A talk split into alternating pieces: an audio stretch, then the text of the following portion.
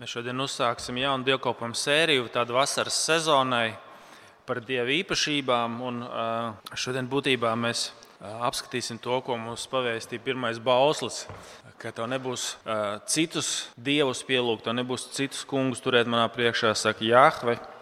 Un arī šo tēmu par to, ka Bībelē kungs ir atklājies kā vienīgais patiesais dievs. Lūksim, Dieva Tēvs! Tiešām tu esi sen jau pasludinājis no sākuma, atklājis savu vārdu.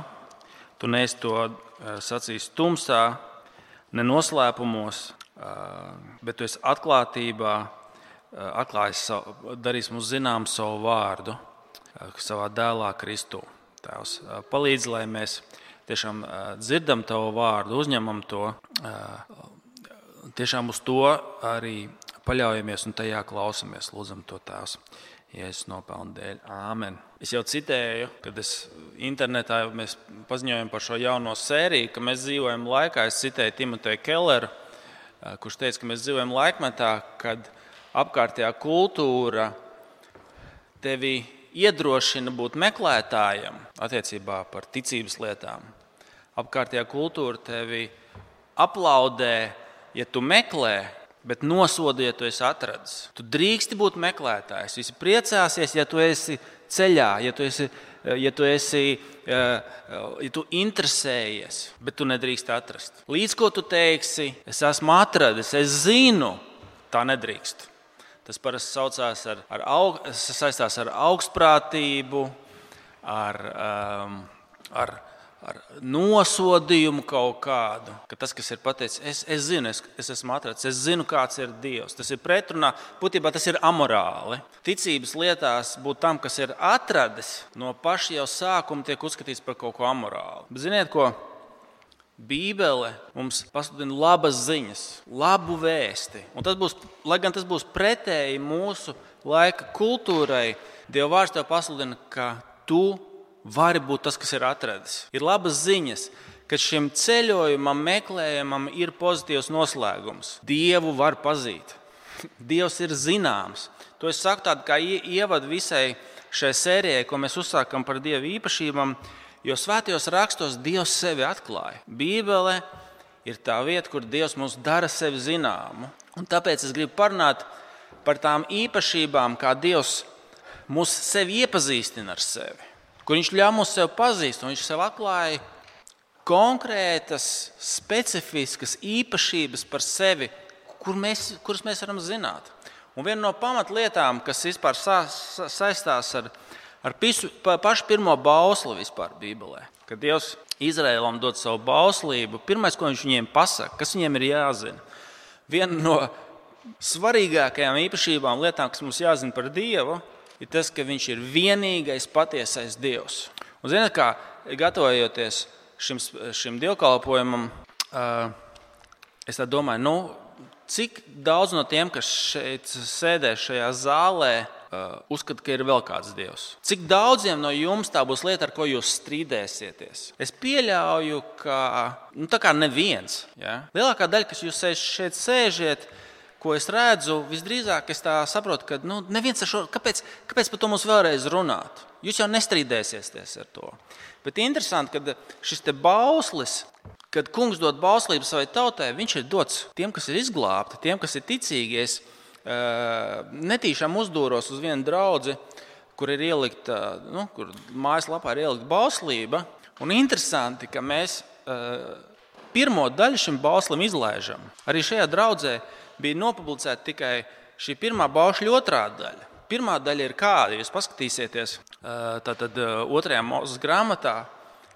Pirmā baušļa, pirmā daļa ir kāda? Es esmu kungs, tavs dievs, kas tevi ir izglābis no Eģiptes zemes. Ar to vispār sākās viss. Mēs domājam, ka parasti pirmais balss sāks tikai ar to, ka es to nebūs citus dievus turēt manā priekšā. Bet pirmā daļa ir glābšana. Bauslība tiek dota tautai, kas ir glābta.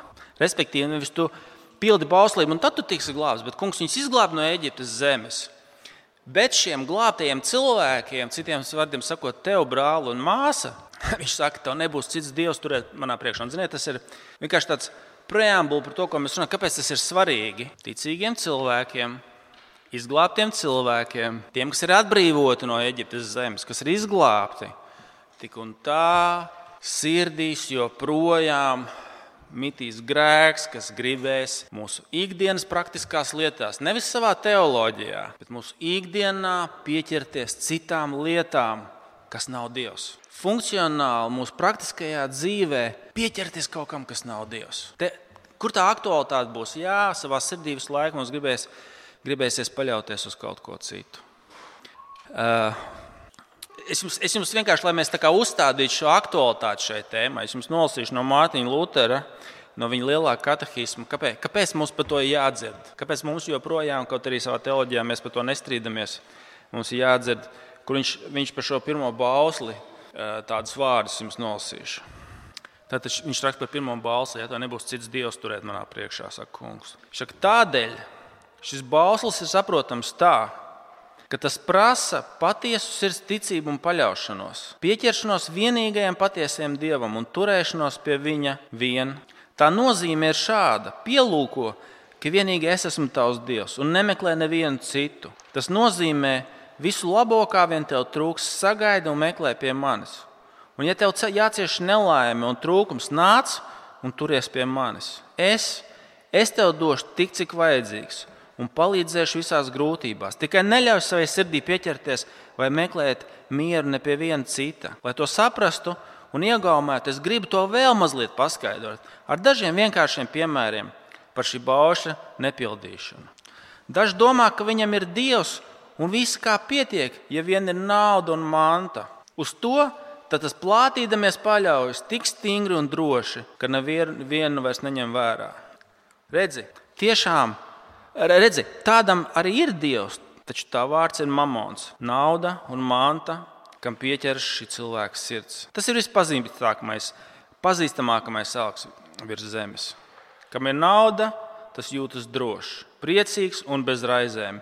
It kā sēdētu pašā paradīzē. Un otrādi, ka mantas nav, tas šaubās un ir izmisis. It kā neko nezinātu par Dievu. Jo maz var atrast tādu, kur ir līgsni un nebēdā un ja viņam nav mamona. Rūpes un kāra pēc naudas pielīp cilvēku dabai un pavada to līdz kapam. Tāpat, ja kāds paļaujas un lepojas, ka tam ir liela prasme, gudrība, vara, labvēlība, draudzība un gods, tam arī ir Dievs, taču tas nav vienīgais patiesais Dievs. Tad nu redzi, cik gan cilvēki ir augstprātīgi, droši un lepni uz šīm mantām, un cik izmišu, izmisuši, ja tiem to nav, vai tās tiek atņemtas.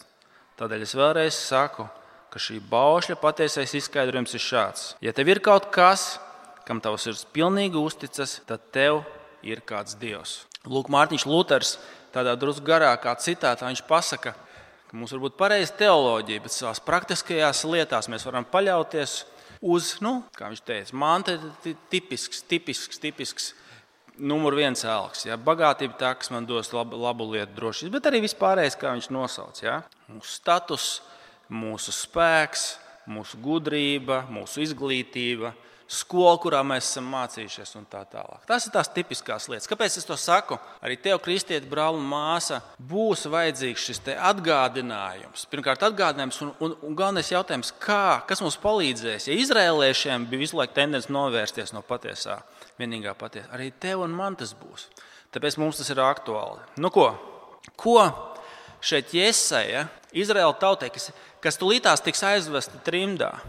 Viņi tulīt tiks aizvest trimdā par to, ka viņi pieķērušies elkiem. Kādas lietas šeit pravietis Jēsē saka viņiem, lai palīdzētu? Viņš saka, trīs, mēs redzējām trīs lietas, ko, uz viņa, uz kā viņiem ir jāskatās. Kas viņiem palīdzēs? Viņš pirmkārt norāda, ka kungs ir vienīgais radītājs. Viņš ir vienīgais radītājs. Otrs, viņš liks viņam skatīties uz to, ka tikai Jāhve, tikai kungs ir vienīgais glābējs. Viņš tikai, tikai viņš var izglābt. Tikai viņš ir spējīgs izglābt. Un trešā lieta, ko Iesē viņiem liek skatīties, lai cīnītos ar šo novēršanos vai pievēršanos elkiem, ir tas, ka tikai kungs ir atklājies, ka tikai Dievs dod uzticamu atklāsmi, ka tikai Dievs dod uzticamu atklāsmi. Nu, ko? Pa vienai lietai. Pirmkārt, tikai Dievs ir vienīgais radītājs. Ar to sākas šī raksturvieta. Mēs nolasīsim 44. nodaļā no 24. panta, un tad 25. Eh, nodaļā 18. pāns. Tā saka, kungs, tavs izpircējs, kas tev veidojas kopš mātes klēpja. Es, kungs, esmu radījis visu, viens pats izstiepis debesis un izplēcis zemi. Kas, kas bija kopā ar mani? Kas liek pievilties krāpnieku zīmēm, kas pareģi darbus sagandē, kas gudriem spē, eh, spēj stāties pretī un viņus piemuļķot, kas piepilda savam kalpam solīto, ar savu vēstnešu arī kas savu vēstnešu, vēstnešu sacīto apstiprina, kas saka Jeruzalemē, tu būsi apdzīvota, un jūdas pilsētām jūs atkal uzcels. Jūsu drupas es atkal uzsliešu. Un tad 45. nodaļa, 18. pāns. Jo tā saka kungs, kas radīs debesis. Viņš ir Dievs, kas taisīs zemi un veidojis to. Viņš to ir iedibinājis. Tā nestāv tukša. Viņš to radīs, kur ļaudīm dzīvot. Es esmu kungs un nav cita. Redziet, pirmā lieta, kurā kontekstā Dievs pasakā, ka nav cita dieva, es esmu kungs, es esmu Dievs un nav cita, ir radīšana. Viņš iesākumā mēs tikko lasām, viņš saka, Kurš tad bija kopā ar mani? Kurš man deva padomu? Kurš bija kopā ar mani, tad, kad es izplatu debesis un zemi, kad es veidoju šo pasauli? Kad es to veidoju, neviena citur nebija. Man nebija nekāda palīga. Es esmu vienīgais, vienīgais Dievs. Pirmā lieta, uz ko kristiet brāli un māsa, Dievs tev liek skatīties, lai turētos pie viņa kā pie vienīgā Dieva, ir skatīties uz radīšanu. Uz, uz to, ka viņš ir vienīgais to radījis. Un interesanti, ka viņš pretī nostāda ēlkus. Jums tikai nolasīšu šo vienu pāntu. 20. 20. pāns 45. nodaļā. Nav sajēgas tiem, kas koka dievekļus apkārt staipa un pielūdz dievu, kas nevar glābt. Respektīvi, vienā pusē ir Dievs, kas visu radīs un kuram nebija, palu, nebija vajadzīgs palīgs. Un otrā pusē viņš noliek elku, viņš saka, dievekļus, ko, kas tev jānēs apkārt pašam savā, savās rokās. Citā vienā tur iepriekš nodaļā viņš saka, tas ēlka darinātājs, viņš nocērt koku, no, pus, no puses tās pagals viņš uz, uz, uzcep sev ēdienu, un no otras puses uztaisa ēlku. Un tad, kad tas ēlks gāžās, viņš, ar, viņam ir ar roku jāpietur. Citiem vārdiem sakot, viņš saka, kā, kāds ir ēlks, ko tu pats savām rokām esi taisījis, un kurš pat nevar pārvietoties, kurš pat netiek tev, tev ar savām rokām viņš jānes. Tu pats viņu esi taisījis, un tu pats viņu ar savām rokām nes. Ziniet, ka, ka, kāpēc tas ir svarīgi? Tas ļoti labi trāpa sirdī tai elgdevības problēmai. Tie elki, uz ko mēs paļaujamies, mēs tikai gribam, lai viņi mūs glābtu. Tas mūsu materiālais stāvoklis, mūsu izglītība, mūsu reputācija. Tas, tas ir labas lietas, bet slikti dievi. Tas, protams, man pareizi nenoliedz tās lietas. Tas ir labas lietas, bet viņas slikti dievi. Mūsu izglītība, materiālais stāvoklis, mūsu fiziskais izskats, bet viņš ir Mums visu laiku jāpietur ar roku. Mēs viņu paši savām rokām radām, un tad mums viņš ir jāpietur, lai viņš turētos. Mums ir jāstaipa viņš sev līdzi. Jūs saprotiet, tas botoks ir jāiešpricē. Jā? Ja tavs, ja tavs uh, elks ir fiziskais izskats, tu zini, ka viņš beigsies. Gravitācija vienmēr uzvarēs. Tu novecosi, un gal galā sapūs. Un tas, lai to ēlku kaut kā uzturētu, tev viņa pašam ar savām rokām visu laiku jāpapildina, jā, viņš ir jāpietur, jo viņš gāžās. Viņš, un, un viņš saka, lūk, kāds ir ēlks pretēji tam, ko radījis ir kungs. Kungs ir radījis šo pasauli. Viņš ir radījis tevi, viņš tev ir devis dzīvību, pie kam viņa nodoms ir radīšana un jaunā radīšana. Paskatieties, šajā 40. Tātad, um, 5. nodaļā, kāda Dieva nodoms ir par radīšanu. Šis 18. pants, ko mēs lasījām. Kungs ir taisījis zemi un veidojis to. Viņš to ir iedibinājis, lai tā nestāv tukša. Viņš to radījis, kur ļaudīm dzīvot. Viņam šai pasaulē ir labs nodoms, ko ir sabojājis grēks un grēkā krišana. Bet tāpat kā viņš ir radījis, viņš arī dod mums jauno radīšanu. Atcerieties, atklāsmes grāmata, ko noslēdzās. Redzi, es visu daru jaunu. Atklāsmes grāmata noslēdzās ar jaunu debesu un jaunu zemi, kuru kungs tev grib dot. Nevis kā elks, kas nespēja glābt, kā mēs tikko lasījām, kuru tev pašam ir apkārt jāsteig, kas ir tavu roku radīts, un tev pašam arī viņš ir jāuztur. Ne tāds, kas nespēja glābt, bet kungs, kas ir radījis un nāk ar jauno radīšanu, kas nāk ar jaunu debesi un jaunu, jaunu zemi. Ziniet, interesanti, es gribēju vienu lietu izcelt. Šeit viņš saka, Es esmu radījis zemi, lai tā nestāv tukša, saka Dievs, kur ļaudīm dzīvot. Ziniet, ko, ko tas vēl nozīmē? Kāds ir Dieva redzējums radīšanā priekš tevis un jaunajā radīšanā priekš tevis? Kunga nodoms ir tas, lai tu, lai glābšana tevī izpaužoties, tu vairāk un vairāk kļūtu par cilvēku. Respektīvi, tā glābšana Dievam, ko Viņš šeit saka, es esmu šo, šo pasauli radījis, lai jūs tajā dzīvotu, lai jūs to augļoties un vairojaties un piepildat zemi. Atcerieties, ka Dievs rada šo pasauli. Glābšanas mērķis ir, lai tu ieaugtu savā cilvēcībā. Jūs saprotat, ko es gribu teikt? Dievs to visu ir izgudrojis. Viņš grib, lai šī zeme tiktu piepildīta un lai tu, lai šī pasaule nekļūtu mazāk pasaule, lai tu kā cilvēks nekļūtu kaut kāda daļa no sevis, bet lai tu ieaugtu tajā, kas nozīmē būt cilvēks. Kad atnāk Kristus, atcerieties, viņš mums parāda, kāds, kāds kā cilvēks izskatās savā pilnasinībā, savā godīgumā, uzticībā, uh, upurēšanās, mīlestībā. Ja? Viņš parāda, kādam cilvēkam vajadzēja būt, kāda mēs neesam, bet uz ko viņš mūs glābi. Ko es gribu teikt no citas puses? Tas redzējums par glābšanu nav samazināta cilvēcī, cilvēcīgums, bet tieši piepildīts. Dievs kā radītājs pasaka, viņš tevi ne, negrib padarīt mazāku, bet lielāku. Nu, daži no mums grib, grib kļūt mazāki, ja? to, nu, tā, kā joks, piemēram, mēs. Ja? Bet es to runāju pārnestā nozīmē, lai mēs būtu pilnīgi tas, kā Dievs iecerēja cilvēkam būt. Elks tev vienmēr sakompresēs, viņš tev padarīs mazāku, viņš tev reducēs uz tavu ārējo izskatu. Ja tev nav tas, tu neesi nekas. Un tas, kas tev stāv blakām, ja viņam nav šī ēlka prasības, viņš neesi viņš nekas. Ja viņam ir zemāks materiālais stāvoklis, viņš ir nekas. Ja? Elks reducēs cilvēkus pēc kaut kādām prasībām. Viņu, viņu katram laikam var būt savādāks, katrai kultūrai var būt savādāks. Viņš, viņš reducēs un samazinās cilvēku. Glābšana vienmēr vedīs tevi uz to, lai tu ieaugtu tajā cilvēcīgumā, kā Dievs to redz, visā pilnībā. Saka, skatieties uz, uz Dievu pirmkārt kā uz radītāju. Dievs radīs šo pasauli. Viņš negrib, lai tā būtu tukša, viņš grib, lai tā būtu pilna. Un jaunajā debesī un jaunajā zemē. Viņš grib, lai, lai tā piepildās ar jauno radību, kur vairs nemājo grēks, kur mēs esam Kristus līdzībā. Nevis kaut kādā tādā ēteriskā, bet cilvēka pilnībā. Kāds ir Kristus? Atcerieties, Dievs ir Tad, tad Kristus ir pilnīgi Dievs, bet viņš ir pilnīgi cilvēks, lai mēs varētu būt pilnīgi kā viņš. Okay? Pirmkārt, viņš saka, skatieties uz Dievu kā radītāju. Viņš grib, lai mēs piepildām to redzējumu par šo radīšanu, par glābtu pasauli un par glābtu cilvēci, lai mēs ieaugam visā pilnībā, kā Dievs mūs redz. Kādam ir jābūt cilvēkam. Glābšana nozīmē, ka nekļūsi mazāk cilvēks, tu kļūsi vairāk cilvēks. Jūs saprotat, ko es gribu teikt? Ja? Es ceru, tas ir, to var, to var saprast. Okay. Otrā lieta. Šis nozīmē, ka mums ir vajadzīga glābšana. Tas nozīmē, ka mums visiem, lai mēs kļūtu par to, lai cilvēks kļūtu par to, kā Dievs to iecerēja, mums ir vajadzīga glābšana. Mums ir vajadzīgs Kristus, mums ir vajadzīgs Viņš ir Dievs, kas glābi. Skatieties, šis, kā tiek aprakstīts celks, mēs jau lasījām 20. pantā, 45. nodaļa, 20. pants. Nav sajēgas tiem, kas koka dievekļus apkārt staipa un pielūdz Dievu, kas nevar glābt. Elks to nevar izglābt no nāves, viņš to nevar izglābt no, no kritušā stāvokļa, no pazušanas, no grēka. Un paskatieties, ko, ko kungs pretī saka 22. pantā.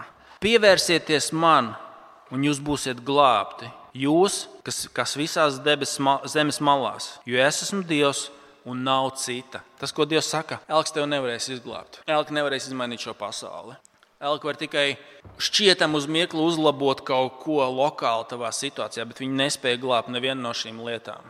Bet kungs saka, pievērsieties man, un jūs būsiet, zem, eh, un jūs būsiet glābti.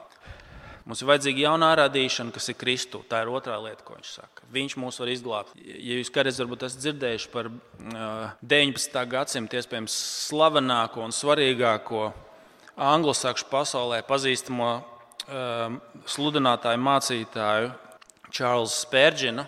Viņš stāstīja par savu, kā, kā, kā kungs viņu izglāba. Viņš saka, viņš, viņš, viņš bija galīgi nomākts.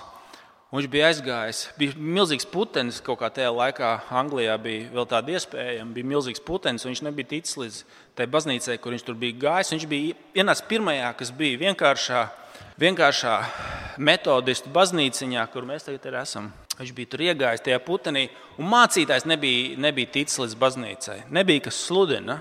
Un uh, kancelē vienkārši iestājās viens no draudzes vecākajiem, tāds, cik es saprotu, neizglītots vienkārši cilvēks. Viņš bija izlasījis šo pāntu. Viņš bija izlasījis šo pāntu. Pievērsieties man, un jūs būsiet glābti. Jūs, kas visās zemes malās, jo esmu Dievs un nav cita. Un tas, tas, tas cilvēks tā uz sitienu izlasīja šo, šo pāntu un teica, tur tajā tulkojumā angliski ir pievērsiet man skatienu. Un viņš saka, tas, ko šī rakstīts, mums saka, pievērs man skatienu, tas nav grūti. Pievērs man skatienu, paskaties, vienkārši pievērs man skatienu. Un viņš ieraudzīs to, to spērģinu jauno, jauno puiku. Viņš saka, tu jaunieti izskaties man galīgi nožēlojams. Un tu paliksi galīgi nožēlojams savā dzīvē un savā nāvē ja tu nepievērsīsies kungam, skaties uz viņu, un tu būsi glābts. Viņš saka, un tagad es to izdzirdēju, visa tumsa un nomāktība izzuda. Viņš ir dzīves Dievs, nevis kā elki, kas var glābt. Un tā ir otra lieta, ko Dievs saka. Viņš ir vienīgais, kas var glābt. Viņš ir devis savu dēlu, kas par mums ir nomiris, kas ir nodzīvojis to dzīvi, ko mums vajadzēja nodzīvot, un nomiris to nāvi, ko mums vajadzēja, lai mūs izglābtu, lai dotu mums šo jauno radīšanu. Viņš mūs ir radījis viņš mums dod jauno radīšanu. Viņš ir Dievs, kas var glābt. Un trešā lieta, ko, ko saka Jēzus, uz ko viņš liek skatīties, pirmkārt, uz radīšanu. Nav citu dievu, kas radīs, nav citu dievu, kas dod jauno radīšanu. Nav neviena cita dieva, kas, kas varētu glābt. Un trešā lieta, viņš saka, nav neviena cita dieva kas atklājās. Nav neviena cita dieva, kas ir devusi savu atklāsmu. Un te ir tas interesantais gabals, nezinu, vai jūs ievērojāt viņu. Kad Dievs saka, elki nerunā. Viņš saka, elki liek vilties. Elki nevar pasludināt to, kas notiks. Un viņš tam pretī liek to, ka viņš ir runājis un pateicis to, kas notiks nākotnē, un tas ir piepildījies. Es jums vienkārši tādu nelielu ievadu. Un šeit jūs dzirdējāt par šo ķēniņu kīru. Tas bija persiešu ķēniņš, kurš piedzimst 200 gadus pēc šī pravietojuma. Viņš piedzimst tikai 200 gadus pēc tam, kad Jēzus pravieto. Un Jēzus pasakā viņa vārdu.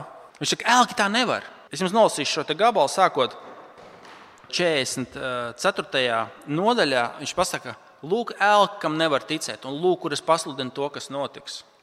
Tas, ko es saku, tas piepildās. Tas ir 44. nodaļa, 26. pāns.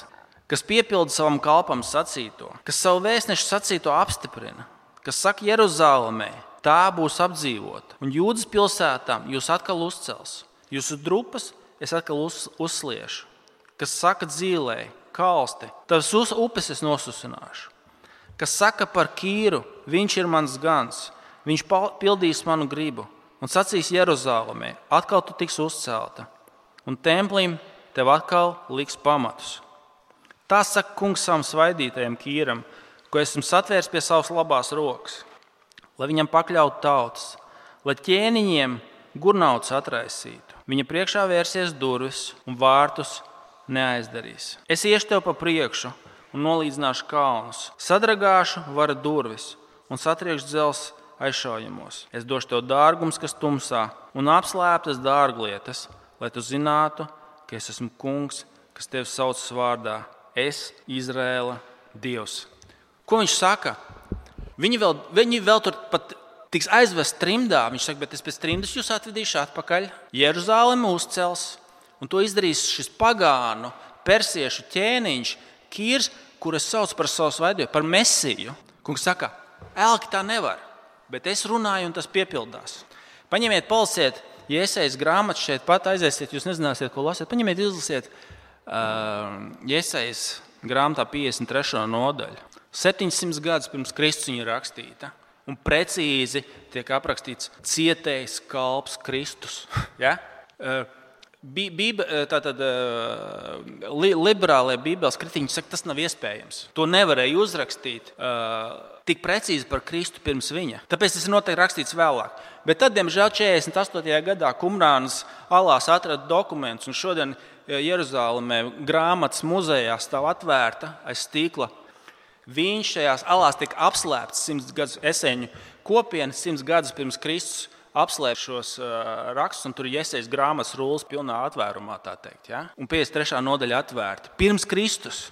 ko Iesai šeit saka, ko mēs redzam, ko kungs saka par sevi. Es saku, kas notiks. Es saku, un tas piepildās. Un tā nav vienkārši tāda pravietošana. Viņš saka, es saku, kā es jūs glābšu. Un tāpat kā šis pagānu ķēniņš svaidītais, Dievs ir tik suverēns, ka viņš ņem pagānu ķēniņu, kīru, kurš pat nesaprot. Viņš pat nezina, ko viņš dara. Bet Dievs pakļauj, un viņš kļūst par Dieva tautas glābēju tajā ziņā, ka viņš viņus atlaiž no trimdas vaļā. Viņš atļauj viņiem uzcelt Jeruzalemi. Un viņš norāda šajā ziņā uz labāku ķēniņu, uz Kristu, kas uzceļ īsto templi, kur mēs viņu varam sastikt. Kristus personā. Viņš ceļ jaunu pilsētu, Dieva pilsētu, kas esam mēs šeit, un viņš to pabeigs un piepildīs jaunajā Jeruzalemē, par kur mēs lasām atklāsmes grāmatā. Kungs saka, un tas notiks. Dieva vārdam var uzticēties. Viņa vārds, atšķirībā no visiem pārējiem vārdiem un visiem pārējiem elku vārdiem, piepildās. Un mēs to redzam jau pagātnē. Mēs redzam to Kristus personā. Viņš arī to mums pasludina. Kāpēc, kāpēc, kāpēc mums nepievērsties citiem vārdiem? Kāpēc mums nepievērsties elku vēstījumiem? Ja? Tāpēc, ka kungs saka, es saku, un tas piepildās. Mans vārds piepildīsies. Viņš jau ir piepildījies un nāks gan mūsu glābšana, gan tiesa. Tiesa, ja mēs nepaļaujamies, ja mēs neglābjamies pie viņa, ja mēs no, noraidām, viņš saka, tā ir reāli. Es saku, ka tas notiks. Kā Jeruzal... Atcerieties, šis rakstīts tajā kontekstā, ka Jeruzalem tika nopo... nopostīta, jo viņi novērsās no kunga. Viņš pravietoja, un tas notika, bet arī glābšana. Arī glābšanu viņš ir, viņš ir Dievs, kas mūs ir radījis, viņš ir Dievs, kas mūs glābi. Viņš saka tam, tam vārdam, ko es esmu sacījis. Jūs varat uzti, uzticēties. Mēs to redzam, tas jau ir piepildījies pagātnē un piepildīsies arī nākotnē. Ja mēs sakām, ka šis, šis gabaliņš ir par pirmo bausli Dievs savai tautai, kas jau ir glābta, viņš saka, jums būs kārdinājums, jums būs tendence pievērsties citiem dieviem. Jums vienmēr būs te, tendence paļauties uz elkiem. Jums tas ir jādzird. Es esmu Dievs, tas kungs, kas tevi ir izglābis no Eģiptes zemes. Tev nebūs citus dievus turēt manā priekšā.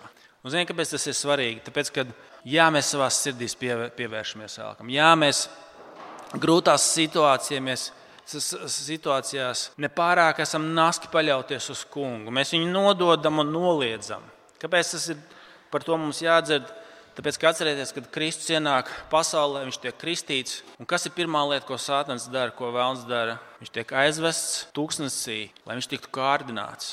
Un kas ir pirmā lieta, ko Vēlns viņam saka?